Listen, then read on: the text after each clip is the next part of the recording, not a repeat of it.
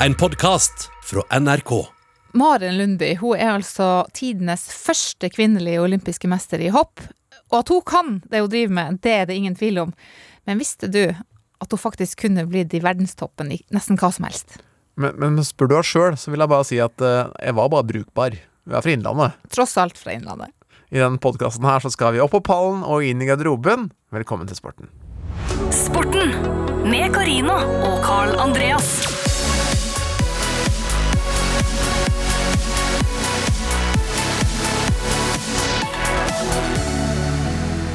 Da Maren Lundby vant eh, OL-gullet i Pyeongchang, så tok hun altså Norge sitt OL-gull nummer 100. Dette er ingen hvem som helst vi har med å gjøre. Det er det ikke. Eller hundrende, som du sa i stad på prøva.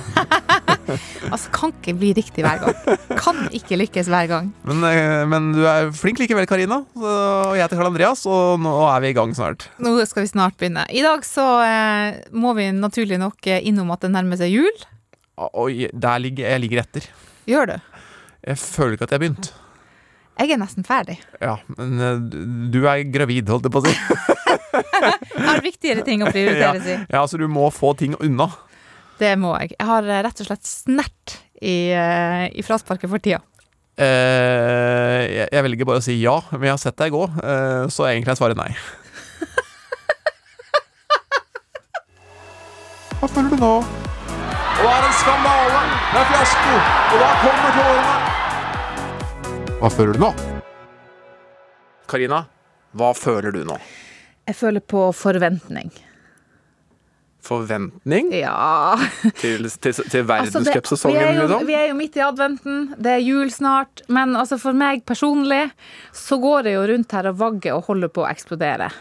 For du skal, du skal rett og slett få barn nummer to. Jeg skal få barn nummer to. Uh... Den vanskelige andre plata.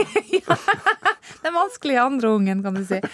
Men uh, det er jo så mange ting som, uh, som rører seg opp i, opp i hodet på meg, og i kroppen, ikke minst, når, man, når man går i en sånn her tilstand.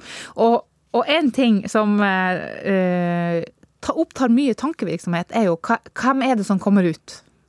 Nettopp. Og, og jeg, Hvem er hun? Og jeg kan jo si det at uh, lytterne våre, uh, du som hører på, uh, må bare liksom stole på meg nå. Jeg sitter og kikker på Karina, og så plutselig så spretter hun på stolen to centimeter. Og det er fordi hun har fått et ordentlig ninjaspark inni magen og løfter, hopper to meter på stolen. Ikke to meter kanskje, men to centimeter. Det er ikke, det er ikke spensten er ikke ditt beste for tida. spensten er ikke, er ikke helt innabords. Og da kan man jo lure på hva, hva skal det sparket der bli til, på en måte? Ja. Fordi at det, er jo nærliggende for meg å tenke at her er det kraft i støvelen. Eh, pappaen til, til barnet er jo, har jo vært fotballspiller og livnært, livnært seg som det i veldig mange år. eh, og er jo, om jeg skal si det sjøl, ekstremt bra fysisk. Eh, så jeg, jeg tror at denne ungen her har arva faren sin fysikk. Og da kan den komme ut og gjøre verden, rett og slett. Men hva tror du sparket i din mage kan primært bruke? Klarer du å tenke noe annet enn fotball? Ja, selvfølgelig klarer jeg det. Altså, det kan jo være et godt fraspark i skiløypa òg. Ja, Eller Eller i altså, hoppbakken. Taekwondo? Det har ikke Kung fu? vært, jeg, har ikke vært, jeg har ikke vært innom kampsport, faktisk. Nei. Nei. Det ligger, eh, det ligger ikke til meg å, å gå innom akkurat de idrettsgrenene. Klarer du å kjenne om hun på en måte, er, han, er jenta der er hun, er hun god med begge beina, eller sparker hun med høyre eller venstre mest? For å si det sånn, jeg kjenner det på, på, på Altså, de ligger jo med hodet ned, eh, og, og det er spark overalt. Ja, sånn tofotspiller, da. Veldig tofotspiller. Ja, og Det er fordel. Det er en fordel. Eh, apropos spark, den eneste tingen jeg er litt redd for at denne ungen skal begynne å drive med, er sprangridning. Og da er det jo ikke hun som på en måte skal sparke fra. Men jeg er så redd for hester. jeg klarer ikke å klarer ikke å, å gå nær en hest uten å kjenne Nei, for jeg, jeg har sånn ærefrykt. De er så store, og de er Nei, men altså Hvis den snur seg, så, så går jo jeg i baken. Ja, ja, for den skaller deg ned, tenker du? Blant annet. Og så kommer, en gang så var jeg på leirskole. Jeg måtte gi en, en, eh, et brød til en hest. Og de spiser jo en hel kneip. De spiser jo ikke eh, skive med brunost på, som normale mennesker gjør. Men altså bare det å holde det brødet fast mens, eh, mens denne hesten skulle gampe i seg det her, eh, var jo skremmende. Eh, Du skal få et tips i tilfelle eh, jenta du får, velger hest. Da, det er eh, begynn å spare nå. Eh, For det er dyrt med hest, og det er dyrt med stallplass. Men en annen ting som på en måte er også har hørt, er at de jentene For det er jo altså, gutter òg, for all del, men det er veldig mange jenter som driver med hest. Uh, de som driver med hest, blir veldig ofte veldig for, for det første flinke til å ta vare på dyr, en annen, et annet liksom, vesen som de må passe på hver eneste dag.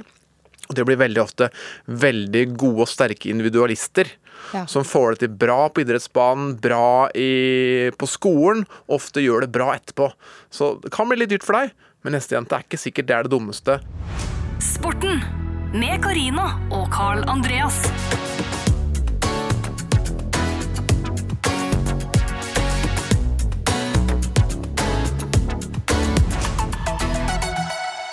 Kom igjen nå, da, Maren. Kan vi avslutte på ordentlig vis. Kan bli seier i dag for Maren Lundby.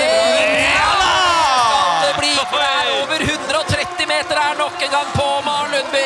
Hun eh, fortsetter å distansere feltet. Og eh, gratuleres her av resten av laget. 133,5 meter. Og det er halvmeteren lenger enn hennes gamle bakkerekord. Det var et fantastisk hopp og satte skikkelig press, og så viser Maren hva som bor jo. Endelig må det være lov å si at vi har fått eh, gjesten på plass fysisk i studio. Det er riktignok gjennom masse pleksiglass, og det, det stinker sprit her. Ja, det er trygt. Vi må Det er trygt. det er trygt. altså. Velkommen, Maren Lundby. Jo, takk for det. Det er så fint å se deg. Jo, i like måte. Det er fint å være på plass òg, så blir moro, det her. Når du hører på sånne klipp, og så vet du at det er deg vi liksom det er, Vi skryter av deg, på en måte. Koser du deg med det? Jeg er for ærlig, jeg hørte ikke så nøye etter. Men eh, nei, det er ikke favorittsituasjonen jeg sitter i akkurat, men eh, Nei, altså. Nei. Men bruker du å høre på eh, Altså, jeg regner med at du ser mye på hopp, fordi man skal jo lære, men, men Legger du merke til sånne superlativer og sånne kommentatorer som går i fistel pga. prestasjonene dine? Nei, jeg syns det, det tar litt av iblant. Da. Eller sånn, jeg, jeg veit jo sjøl hva jeg gjør bra og hva jeg gjør dårlig, og så det, syns jeg noen ganger bommer eh, på hva jeg egentlig gjør, da. Så jeg tar ikke veldig til meg, egentlig, det som blir sagt. Men eh, det er jo hyggelig å få skryt når jeg egentlig føler at jeg har gjort noe dårlig sjøl, da. Så kan i hvert fall folk tro at jeg gjør noe bra, men ja, alle, alle alle som ser på og hører Ja. på, tenker jo at dæven, hun ja, er det var der. snilt sagt, tenkte, tenkte jeg. Hva, hva er det de pleier å bomme på? Nei, altså det er ikke alltid jeg er fornøyd med hoppet mitt, men som sier at ja, det her var, ja, ser bra ut og sånn, da. Så um, Altså, jeg, jeg har jo hele tida tenkt at de, de som hopper på ski, de mangler en eller annen slags sperre. ja, Føler du at du gjør det? Ma mangler noe? Hva er det du mangler? uh, ja, det kan godt hende. Hvorfor, hvorfor, hvorfor ble det liksom hekta? Nei, det, jeg tror den som har prøvd det, har um, vil kjenne seg til den følelsen, liksom. Um, Gjør det- fly, eller hva da? Uh, nei, uh, ja, det er egentlig det. Altså, jeg har akkurat eh, kommet tilbake til bakken nå, og har ikke hoppa på nesten fire måneder.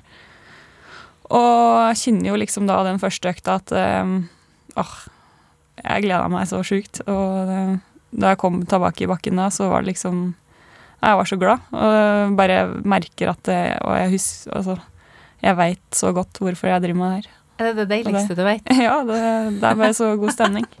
Ja, men, men, Fine vinterforhold og den lyden i sporet og sånn is og litt sol og tre minus, liksom. Det er så koselig. Vi, vi må snakke, vi, for vi syns jo det er mye ting som er interessant med deg utover hopp også. Uh, og det er jo minst like interessert i. ja, altså Maren Lundby, du må være på en måte den øh, flinkeste flinkisen jeg, omtrent har hørt om. For det er jo umulig å finne noe galt på deg, på en måte. Og altså få høre fra, fra de som er litt nær, da. At uh, aldri fikk du hjelp med lekser. Aldri var det noe problem på skolen. Og når du var ti år og foreldrene kom hjem, så hadde du ikke bare gjort leksene, men da sto middagen klar òg. Hvordan, øh, hvordan blei det sånn som dette her, da? Nei, jeg hadde vel ikke noe valg, da. Uh, Det, det var ikke noen som sa til deg at Maren, du sørger vel for at middagen er ferdig når du kommer hjem? uh, nei, jeg sa vel kanskje ikke det til meg, men jeg fikk vel høre at hvis jeg gjorde lekser og gjorde klar maten, så ble det trening på kvelden. Så, Ja. Da- Vinn-vinn-situasjon. Så det var sånn det gikk en god stund der, ja. Det Jeg skjønte det. ikke det før jeg var sånn 16-17. Nei, ikke sant? For, du, for når du bare var ti år For det var nettopp det som eh, på en måte skjedde. Du gjorde leksene dine, og så lagde du middag, og så fort det var ferdig, så da kunne du dra i bakken. For Ja. du ville i bakken, du. Med en gang. Støtt. Ja, jeg ville jo det. Og så er det jo litt sånn eh, sånn det funker om dagen. Det var, eller det var i hvert fall travelt for vår del. da. Eh, mamma og pappa kom jo hjem fra jobb sånn halv fem som regel, og da var det jo gjerne en halvtime eller time til vi måtte reise på trening. Så mm, da de skulle starte med maten da, hadde ikke gått. Så da ble det at jeg fiksa den som regel, og så kunne jeg reise på trening. Man blir ikke verdensmester av at foreldrene ligger og hviler, liksom. Det går ikke. Nei, altså de har jo gjort jobben sin, de òg, tenker jeg. Så de har brukt noen timer, ja. Hva var din signatur... Hva var dine signaturretter som eh, tiåring? Åh, si det. Eh, det ble jo mye enkelt, da. Sånn, eh, det ble mye Toro-poser og sånn. Men eh, favoritten var når jeg fikk lage sånn potetmos, og så fikk jeg liksom smørt den utover hele tallerkenen. Og så putta sånn pølsebiter oppå, og så mais i tillegg, og ketsjup. Nice. Ja. Oi, der, ja. Ja, det var veldig spesielt, egentlig. Ja. Men det jeg tror jeg var favoritten. Altså, jeg tenker Hvis jeg skulle lagd middager når jeg var ti år, det kunne, det kunne blitt mye verre enn det, tror jeg. Ja, Altså, jeg, jeg, jeg gjenkjenner retten, men istedenfor mais så brukte jeg løk. ja jeg tror vi hadde løk òg, faktisk. Ja. Men uh, greia var liksom at jeg lagde det hele som en pizza. Ja. Ja. Stekte du det i ovnen nå, eller? Nei, nei. jeg vet ikke hvorfor jeg gjorde det. Det ble uh, lagt merke til. Uh, resten åt det på vanlig måte, mens jeg ja. Men da ble det trening hver dag, da. Ja, det ble nok eh, trening hver dag, stort sett. Det, det var det. Jeg drev med fotball, langrenn og hopp, så eh, ja. Det var vel hver dag. Eh, noen dager og doble, doble økter. Da. Først fotball som regel, og så eh, en tur på hopptrening etter det. Men du, um, eh, jeg tenker på, eh, på det at du er så, var så flinkest. Er du det fremdeles? Ja, på hvilken måte det Sånn, eh, sånn, eh, er du ryddig?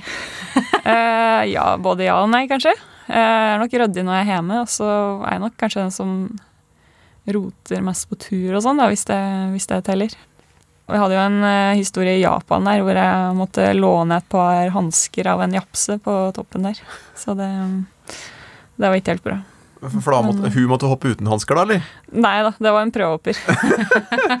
så hvis en ser på bildet fra den konkurransen, så er det sånn Det var et japansk flagg da på håndleddet, eller på hånda.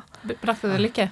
Ja, jeg vant, så Ja. det gikk fint. Men uh, greia var egentlig at jeg hadde ikke glemt hansken, men hanska mine Da jeg skulle ha på meg um, skoa og det der padsa og sånn som du putter ned i skoen, så mista jeg hansken utfor uh, stillaset på toppen, da. Da fer den ned. Ja, så Ja. da måtte jeg gå på hanskejakt. Men du vant altså med japanske hansker. Fikk hun igjen de hanskene, eller? ja, gjorde det. Og fikk startnummeret mitt og sånt etterpå, så det, det ordna seg. Det henger på var en bag i Japan. Innramma. De henger på vegg, altså. Ja.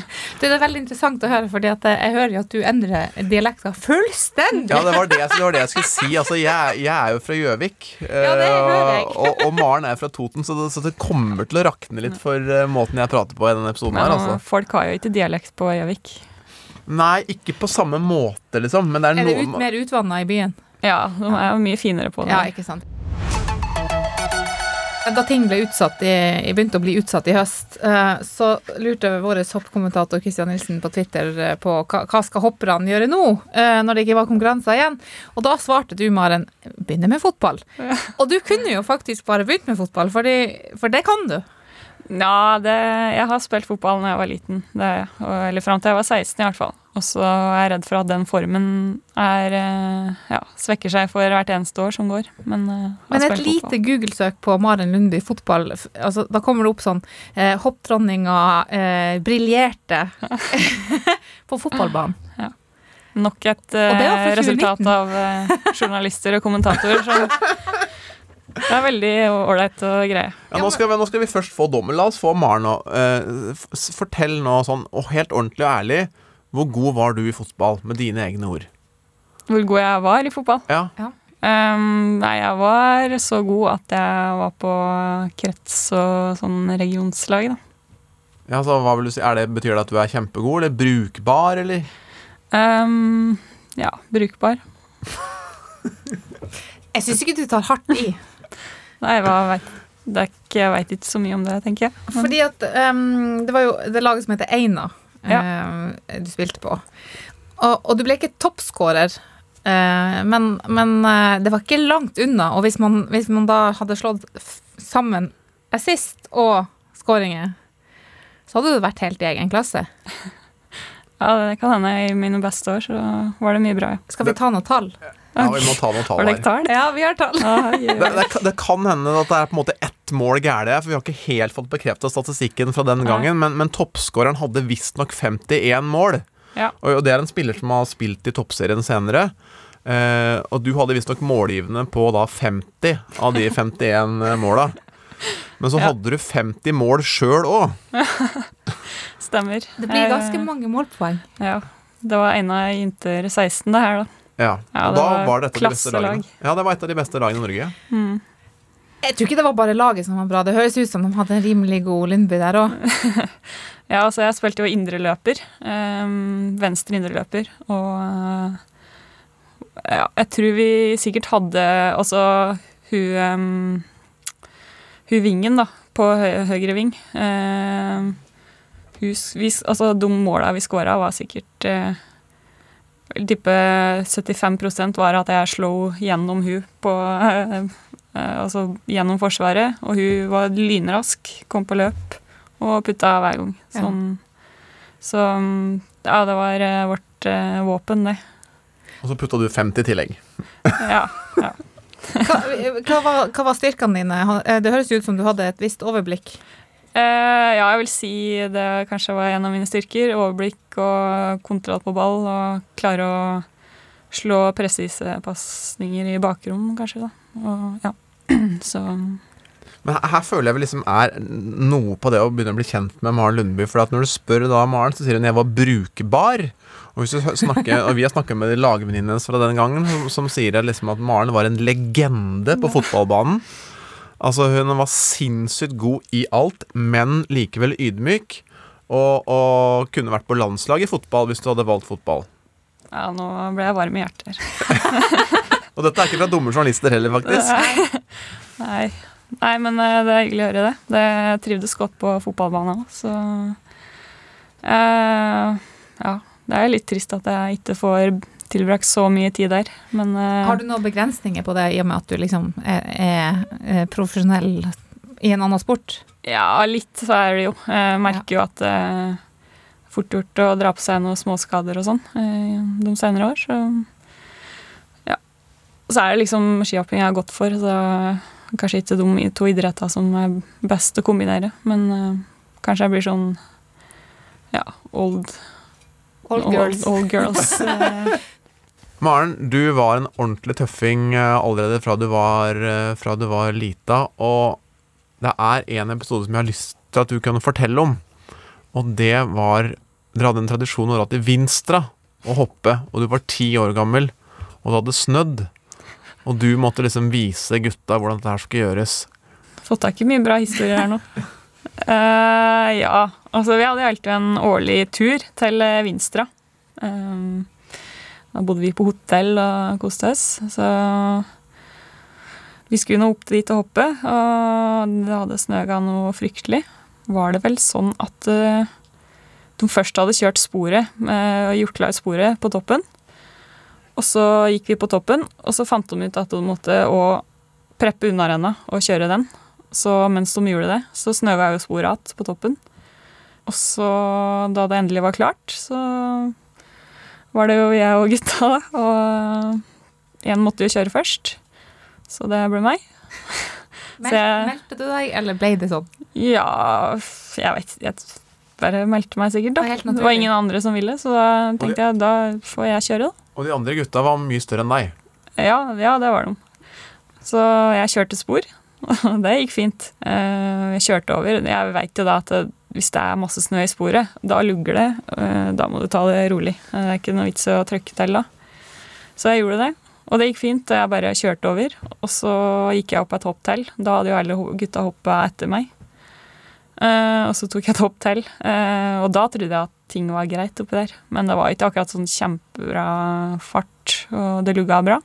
Og du skulle vise gutta at du skulle hoppe like langt. Ja, så da trøkka jeg til.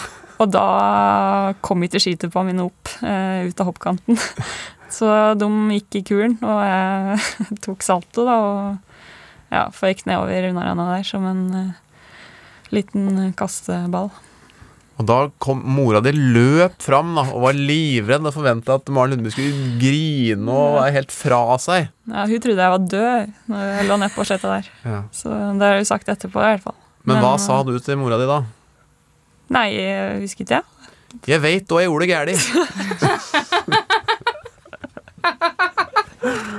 og så gikk det opp på toppen igjen og hoppa igjen.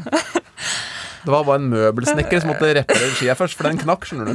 Ja, vi limte den skia den natta, Ja. så den knakk. Og så hoppa du mer. Det gjorde vi. Så Så du var ikke skuggredd, som det heter si på Toten? Nei da. Og så fordelen var jo at det hadde snøa så mye at jeg slo meg jo ingenting ja, i unnarenna der. Det var jo um, Mykt og godt. mykt og godt. Ja. Bare litt mye snø i brillene og sånn. Ja. Nedover nakken. Ja, det, det kan være litt ekkelt. Ja, Ja. det var det verste. Du hoppa med Daniel André, André Tande, gjorde du ikke det? Det gjorde jeg jo. Han og vi er jo like gamle, vi. Var du bedre enn han når dere var små? Jeg slo den i hvert fall noen ganger. Det gjør det. Bruker du det aktivt nå? Jeg har brukt det Du kan nevne det. Det var vel den der Solan Gundersen som måtte var uh, uoffisielt NM da, for eh, 12- og 13-åringer. Så der, eh, der hadde jeg blitt nummer tre, tror jeg. Og, han- Og da ble jeg nummer fire. Så hvis det er noen diskusjoner, så er det bare sånn Æ, æ, æ, Solan Gundersen! Ja. Solan Gundersen Cup. Hei, hei, hei, hei. Men nå ble jeg knust, da, så det er jo eh, Ja, det teller ikke. ja, Nei. Det er en veldig rar sesong på mange måter for de fleste utøvere. Hva er på en måte de viktigste tingene som du ønsker å få til denne sesongen? Nei, sånn i resultatmål så er det å vinne mm, VM i Oberstdorf. Eh, både stor og liten bakke. Det er det eneste målet jeg har satt meg. Ellers så mm, jobber jo hele tida mot å liksom tette det gapet opp mot gutta og nærme seg nivået der. Eh, så det er på en måte det vi har jobba med gjennom sommeren, og så går det meste på å ja, bli best mulig forberedt til Oberstdorf, da. Det er det. Hva består det gapet i mellom det- dere og gutta? Mm, nei, skal jeg si da. Det varierer litt på hoppformen, men øhm,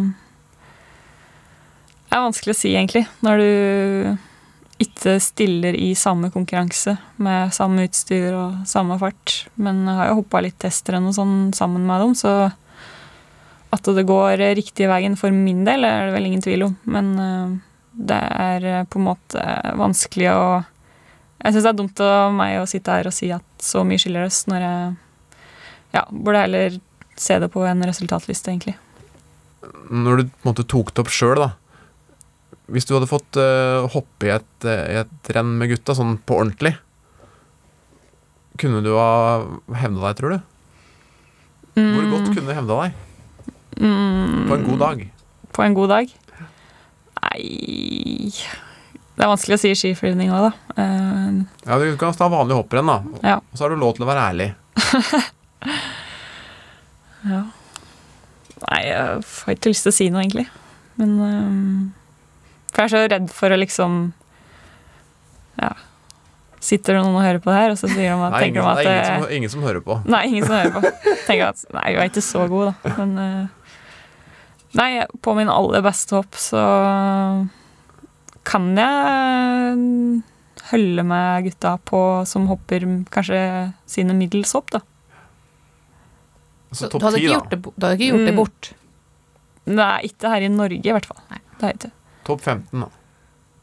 Ja, og så har jeg sagt at uh, topp 10 i NM burde være innen rekkevidde. Men det, Ganske jo, greit. men det er jo et veldig bra tegn for kvinnehopp, at det blir, Ja. begynner å bli så bra at, uh, at Ja. de jevner seg ut. Ja. Så jeg har hoppa testrenn i sommer hvor jeg har leda over noen av uh, landslagshoppera. I én omgang, i hvert fall. Mm. Men uh, Og du er jo bedre enn Daniel. André Tande. Ja, Ja, det vet for, alle. for ti år siden, i hvert fall. Men jeg er litt den derre Altså, jeg må ha full klaff, da. Men uh, hvis jeg får det, så, så blir det bra. Veldig bra.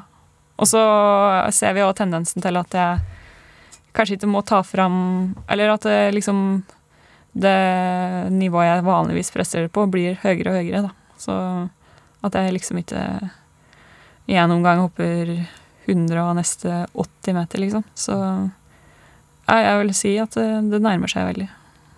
Du vant um, NM nå uh, for et par uker siden, og nå skal du hoppe i Ramsau. Jau. Verdenseliten, har de noe å stille opp med? Uh, ja, det tror jeg. Så um, jeg er veldig spent på årets sesong og føler at det er litt sånn litt snevert eh, grunnlag med hopping eh, fram til nå. Men eh, jeg har liksom brukt hver eneste dag eh, på best mulig måte, da, selv om jeg har vært litt sånn småskada. Så burde jo ha forventninger om å hevde meg, rett og slett. Så er det en konkurranse, og så er det rett hjem i, i karantene. Hva skal du bruke den tida til? Nei, si det. Uh, uff, det blir karantene i jula, så jeg har vurdert å kjøpe meg sånn der eh, Sånn der lege... Sånn der hvit sånn der drakt. Sånn romdrakt. Så jeg kanskje får lov til å sitte sammen med noen på julaften. Så hvis det er noen eh, oppe på Toten som ser en sånn hvit, spøkelsesaktig skikkelse En jævlig rar julebukk. Sånn skjerm, skjerm og Ja, kan gå julebukk, du. Så, er det meg. Det er bare Maren munnbind som er hjemme på juleferie. Nei, da, da, da er jeg i gang med å øve til neste års Maskorama, tenker du. Ikke sant? Hva har du ønska deg til jul, da? Nei, jeg ønsker meg um, Jeg har ikke ønska meg så mye ennå, egentlig. Det blir en sånn eh, vernedrakt. Rom- Vernedrakt. Ja. Eller hva man skifly- meg og det, skiflygningsrenn. Ja. ja, det hadde vært fint. Da, da ble jeg glad. Tusen takk for at du kom, og lykke til eh, i verdenscupen.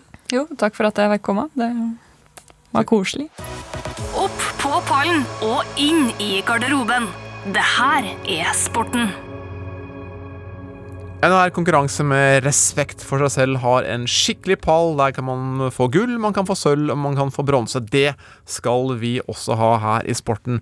Hvor vi i dag skal ha pallen i snert når vi har med oss Maren Lundby. For du må ha litt snert der, men ikke bare i hopp. Mesdames et messieurs, médaillés de bronze, Ladies and gentlemen, the bronze medalist. Jeg føler jo at eh, snert er en egenskap som gjør livet bedre å leve. Eh, kan vi la være å gå nærmere inn på akkurat det? Jeg elsker at vi har pallen i snert. Eh, I dag holder jeg meg til idrettssnert. Eh, og på min bronseplass så finner vi en friidrettsutøver, og hun er et bilde på Hun er snerten, sier ja, jeg er snerten idrettsutøver.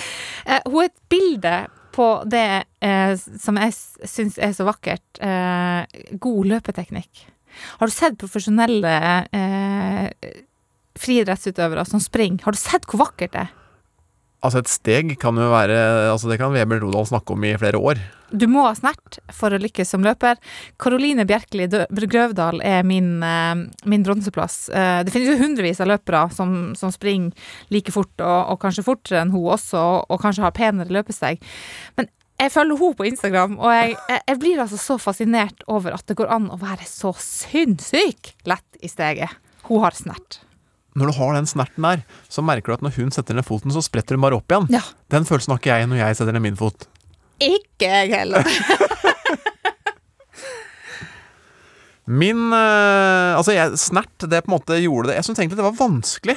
Eh, for hva var den snerten? Men snerten kan være så mange på en måte steder. Og én Latt meg litt inspirert Maren Lundby er her også, men på min bronseplass så har jeg rett og slett Kazuyoshi Funaki. Japanske hopperen og stilhopperen. Ja. Men det han var så spesiell på, var at han var Altså, fra han forlot hoppkanten, og det er altså 0,3 ti- altså 0,3 sekunder har de altså for å treffe hoppkanten. Og fra han satsa til han lå i en sånn flytposisjon hvor han hadde på en måte eh, skituppene bak øra omtrent. At han var så rå. At den snerten den der, Altså, altså det gikk Det var så mer lyd. det var mer lyd. Altså, han OL-gull, verdensmester i skiflygning. Han er en av svært få hoppere som har hatt fem ganger 20 i stil. Og den snerten fra hoppkanten ut i flyttestilling det var, det var, det var tydelig bronse for meg. Funaki, sjekk han opp av, det var helt rått.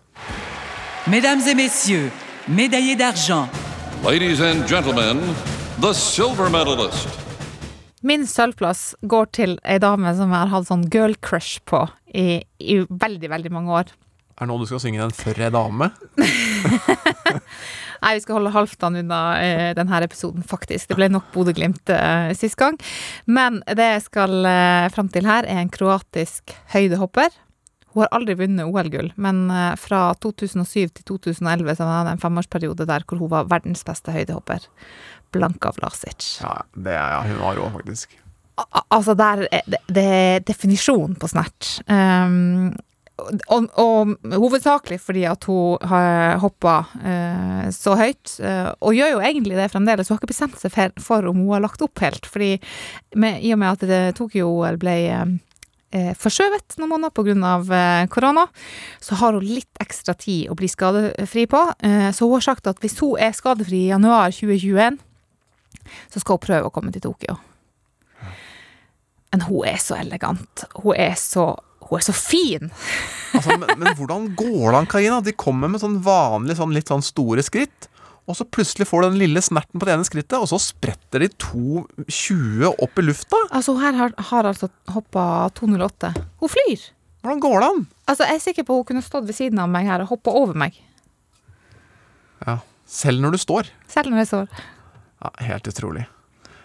Det er gøy at du kom til frirettens verdens, for jeg skal faktisk også dit. Og dette er på en måte er åpenbart at denne karen her har eh, snert. Og det fikk jeg Har jeg fått merke også. Fordi jeg skulle møte Andreas Torkelsen, spydkasteren, Oi. på trening. Og vi, altså meritter uten like, ikke sant. OL-gull, VM-gull, EM-gull. Altså alt han vant, alt Andreas Torkelsen. Han sto og varma opp. Han sto dønn stille og tok høyrearmen sin med et spyd i bak hodet og bare kasta. Uten bevegelse, liksom. Bare en liten snert i armen. Og- da jeg eh, var jo litt sånn oppåsen, jeg, da, for en gangs skyld. Altså, jeg mente at eh, herre min hatt jeg må Hvis jeg får fart, så må jeg kunne kaste lenger enn du gjør uten fart. Så Jeg tok altså fart, og jeg er jo ikke noen spydkaster, på en måte, men jeg hadde jo en del fart i kastet, da. Og kasta alt det jeg kunne. Det gikk jo ikke langt, det der spydet. Så skulle han, sto han ved siden av, tok spydet bak, og en liten snert kasta dobbelt så langt. Kasta, liksom 30-40 meter han, uten fart. Angra du? Mm, eh, det er riktig. Fikk jeg høre etterpå? Eh, ja, det er riktig. Men eh, nå får han i hvert fall premie, da. Sølv på min liste. Mesdames et messieurs, médaillé d'or, Ladies and gentlemen, gold medalist. Jeg kan ikke ha en pall uten å komme innom fotballens verden. Og i fotballens verden så er jo snert ekstremt viktig, og det er snert i alle spillets faser. Nummer én er Cristiano Ronaldo. Altså, han har snert i spensten, altså i, i beina. Han har snert i skuddøyeblikkene sine. Han har snert i hodet. Han har snert i eh, måten han spurte på. Han er så snerten. Og han har altså noen helt sinnssyke skåringer på hodet. In from Alexandro, and what about that? From Cristiano Ronaldo. Towering header to make it 10 for the season. What a header that is from Cristiano Ronaldo. What a header. Altså, eh, han har gjort det til et lite varemerke. Han, det er jo mye med Ronaldo som er eh, varemerke, men eh, de headingene han har Han er altså så høyt over bakken. Han flyr så høyt over bakken. Eh, og denne skåringa her, det var 2-1-målet mot Sampdoria i eh, desember for, for et år siden, altså i 2019. Da ble han matchvinner eh, med denne skåringa, og han, han er altså eh, 71 cm over bakken idet han eh, treffer ballen. Og 71 cm det er gjennomsnittshoppet i NBA, altså for basketballspillere som er liksom verdenskjent for å hoppe høyt og dunke. Men han, han har, eh, Cristiano Ronaldo han har hoppet høyere enn det der òg på skåringene sine. Han er over tverrliggeren i høyde. Men, men det, som så, eh, det som er genialt med det, er jo ikke bare snerten, men liksom Han får jo Han får jo et sinnssykt overblikk. Han har snert i hodet idet han er oppe og, og nikker. Han er helt rå fysisk. Kanskje det vil du kalle den for Snerten istedenfor? Altså, han blir eh, Cristiano Snerten. eh, Han blir altså 36 neste år. Ja, det er kanskje det råeste, da. At Ja. han begynner å bli gammel, og mange av de der eh, eksplosive tingene forsvinner litt da. Men han klarer å opprettholde det. Ja. Jeg er, jeg er eh, vilt begeistra for snerten til Cris- Cristiano Ronaldo. Det tror jeg ikke det er lov å si. Men vi tar det som en overgang til eh, min gullmedalje. Og jeg vet at nå har du sikta høyt der med Cristiano Ronaldo. Men eh, ja, jeg føler at jeg topper det likevel. Selv om du kommer til å være utrolig uenig. Men nå skal vi Altså, jeg liker folk som er annerledes. Jeg liker folk som skiller seg ut. Og derfor skal vi ikke til verdenseneren, men vi skal til verdenstoeren i bordtennis. Han er en ballkunstner. Han er en showman. Han slår slag som ingen andre kan slå. Og han har en helt spesiell teknikk. For han, eh, mens mange av de andre på en måte holder på De fleste har spilt bordtennis, og da kan du holde på, på liksom håndtaket. Men han har det som kalles sånn pennegrep, hvor han på en måte har noen fingre også på selve gummien. Eh, og så slår han da Og da har du en backhand-side og en forehand-side. ikke sant? Altså forskjellige sider på racketen. Men han vrir hånda si, sånn at han på en måte slår backhand på forehand-siden av racketen. For han vrir hånda rundt og har en syk snert når han slår. Og får da til en skru som ingen andre får til. Og, og den skruen skrur så mye at når, når den klarer å få disse slagene tilbake igjen på bordet, så klarer ofte ikke motstanderen å Du har ikke sjanse til å få ballen tilbake igjen. Ofte så slår han disse slagene fra de sykeste posisjoner. Uh, nå tenker selvfølgelig de fleste her Ja, selvfølgelig, han snakker om Chu Chin, og det er det jeg gjør. Chu Chin, verdenstoeren Jeg tulla litt, men ingen vil gjette på det. Men altså, Kina dominerer jo. Men her har de en showman fra Kina. Han er nummer to i verden. Bare hør hvordan det kan høres ut når Chu Chin leker seg og koser seg. Stupid! Seriously, though. I mean, the blanket. Well, look at one Chu Chi's face. Look at you in. How can you do this? Oh no! This is the it. best laughter I've seen from the crowd. I'm on my feet up here. Watch one more time. Side spin. Oh, recovers the edge with the heavy side. Reverse pendulum Oh. around the net from way back. Shushin, stop it! stop it, but don't stop it! Seriously! Wow! Seriously! Altså, hør på dette er bordtennis! Altså, jeg trenger å si at jeg har frysninger. At det er, altså, men Chu Chin, altså uh, Se kamper med han. Uh, gå inn på YouTube. Chu Chin, fantastisk. Fortjent gull. Helt oppe der med Cristiano Ronaldo. Sporten med Karina og Carl Andreas.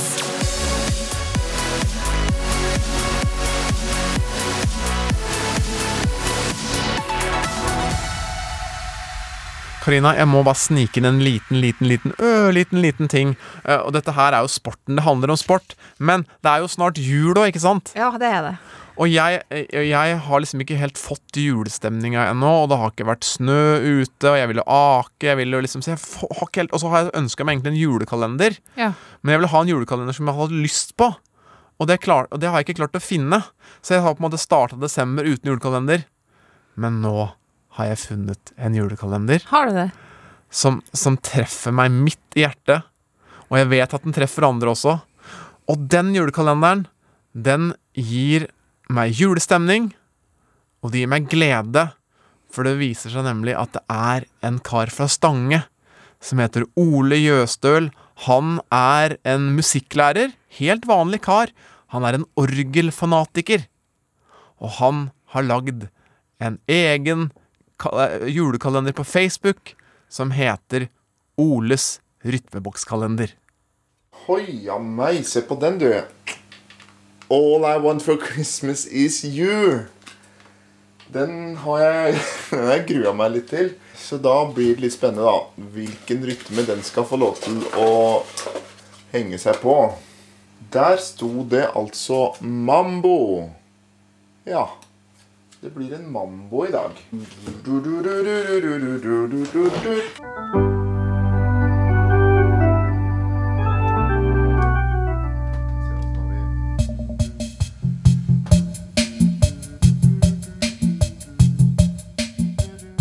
Her hører vi også at Ole er godt i gang. Nå har han eh, trukket ut sangen. Han har altså 24 sanger han skal trekke ut, og så skal han trekke ut rytmen. Og så må han spille til den rytmen han får.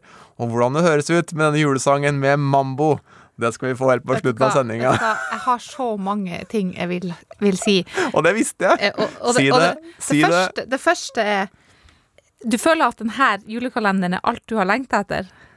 Bare vent til slutten av sendinga, så skal du få julestemning, du òg. Altså, jeg har lekt meg, venn jeg har lekt meg med orgel, jeg også, i barndommen, men, men å publisere det ut i all offentlighet, og enda dra det inn på en podkast i NRK-systemet Jeg vet ikke helt om jeg gleder meg, men jeg skal gi deg, eh, jeg skal gi deg sjansen. Gi Ole sjansen. Men kan vi, ikke, kan vi ikke gå litt tilbake til sporten her? For at uh, vi kan ikke spore helt ut, selv om det er jul. Og, og jeg, jeg er ekstremt fornøyd med egne forberedelser. Uh, jeg har julekalender på G, både til uh, datter og samboer. Null stress. Men eh, det har ikke jeg. Men, men nå, er jeg fall, nå er jeg i ferd med å få julestemninga. Etterpå skal vi få det enda mer. Ja. Men, men jeg har gjort forberedelser på en historie som rett og slett handler om det vi har snakka mye om i dag, og det er snert. For det er en sport som er nesten helt basert på snert. Det meste handler om snert, og de aller, aller fleste i Norge har spilt denne sporten. Det har du også. Og det er selvfølgelig bowling. Jeg er helt sinnssykt god i bowling, faktisk. Jeg har sånn, u, så, jeg, har sånn, sånn eh, eh, jeg visste ikke at jeg var så god i bowling før jeg begynte å liksom, være på sånn jobb. Du tenker på flaks, du. Du blander inn det, du. Nei, fordi at når det er flere runder, og jeg striker og striker og striker, det er ikke flaks lenger.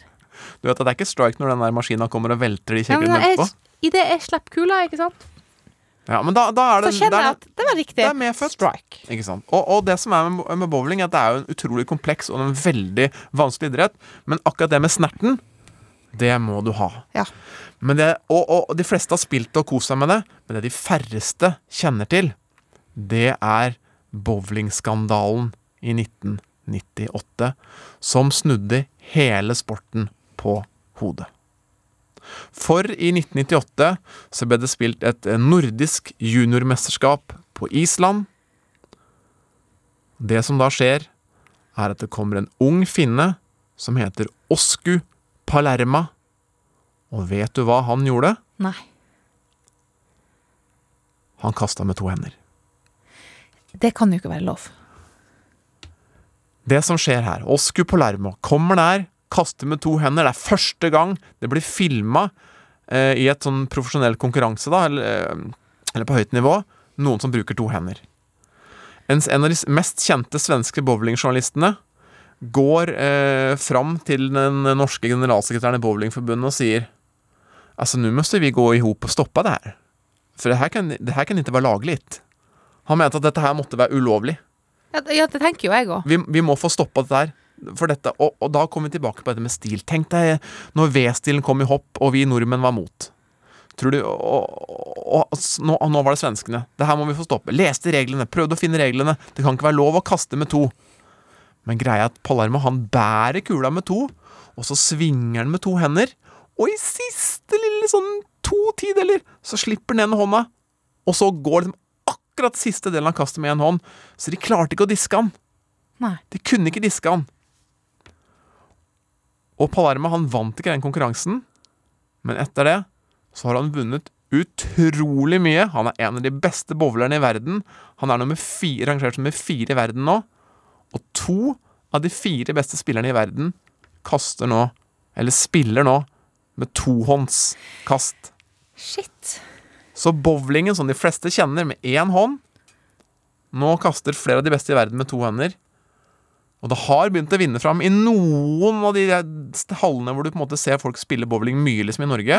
Der kan du se en og annen, men for sånn gjengse spiller så har de ikke sett det ennå. Tror du jeg har begynt å kaste med to? Ja, det tror jeg. Det er helt riktig. Jeg, jeg, jeg blir, blir du bedre?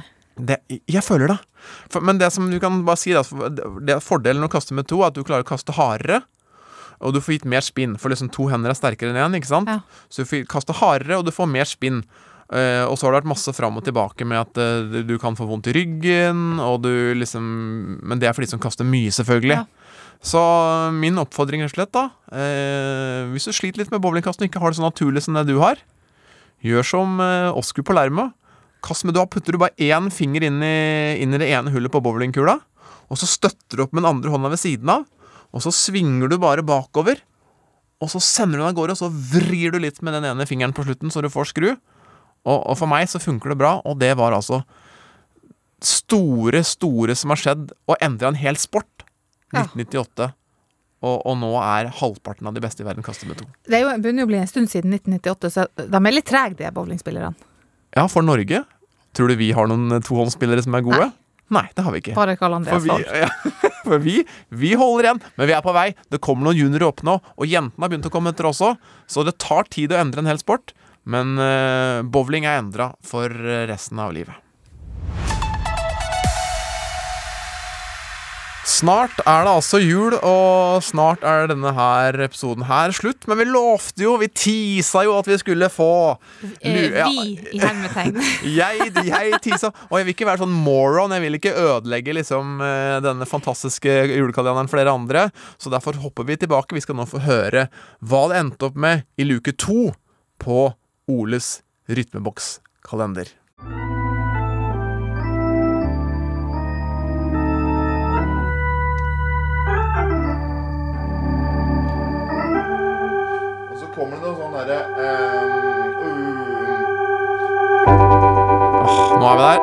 Der. Kommer mamboen. Vent nå.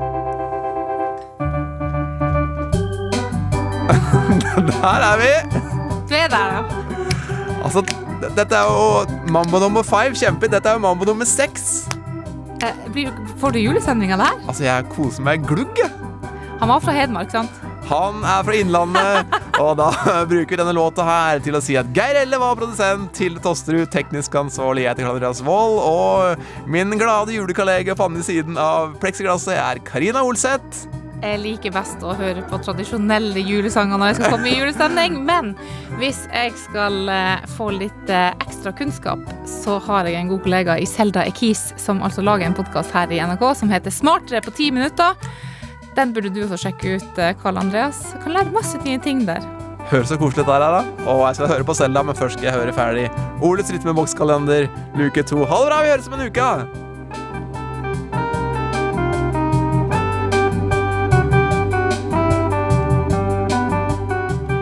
Du har hørt en podkast fra NRK. Hør flere podkaster og din favorittkanal i appen NRK Radio.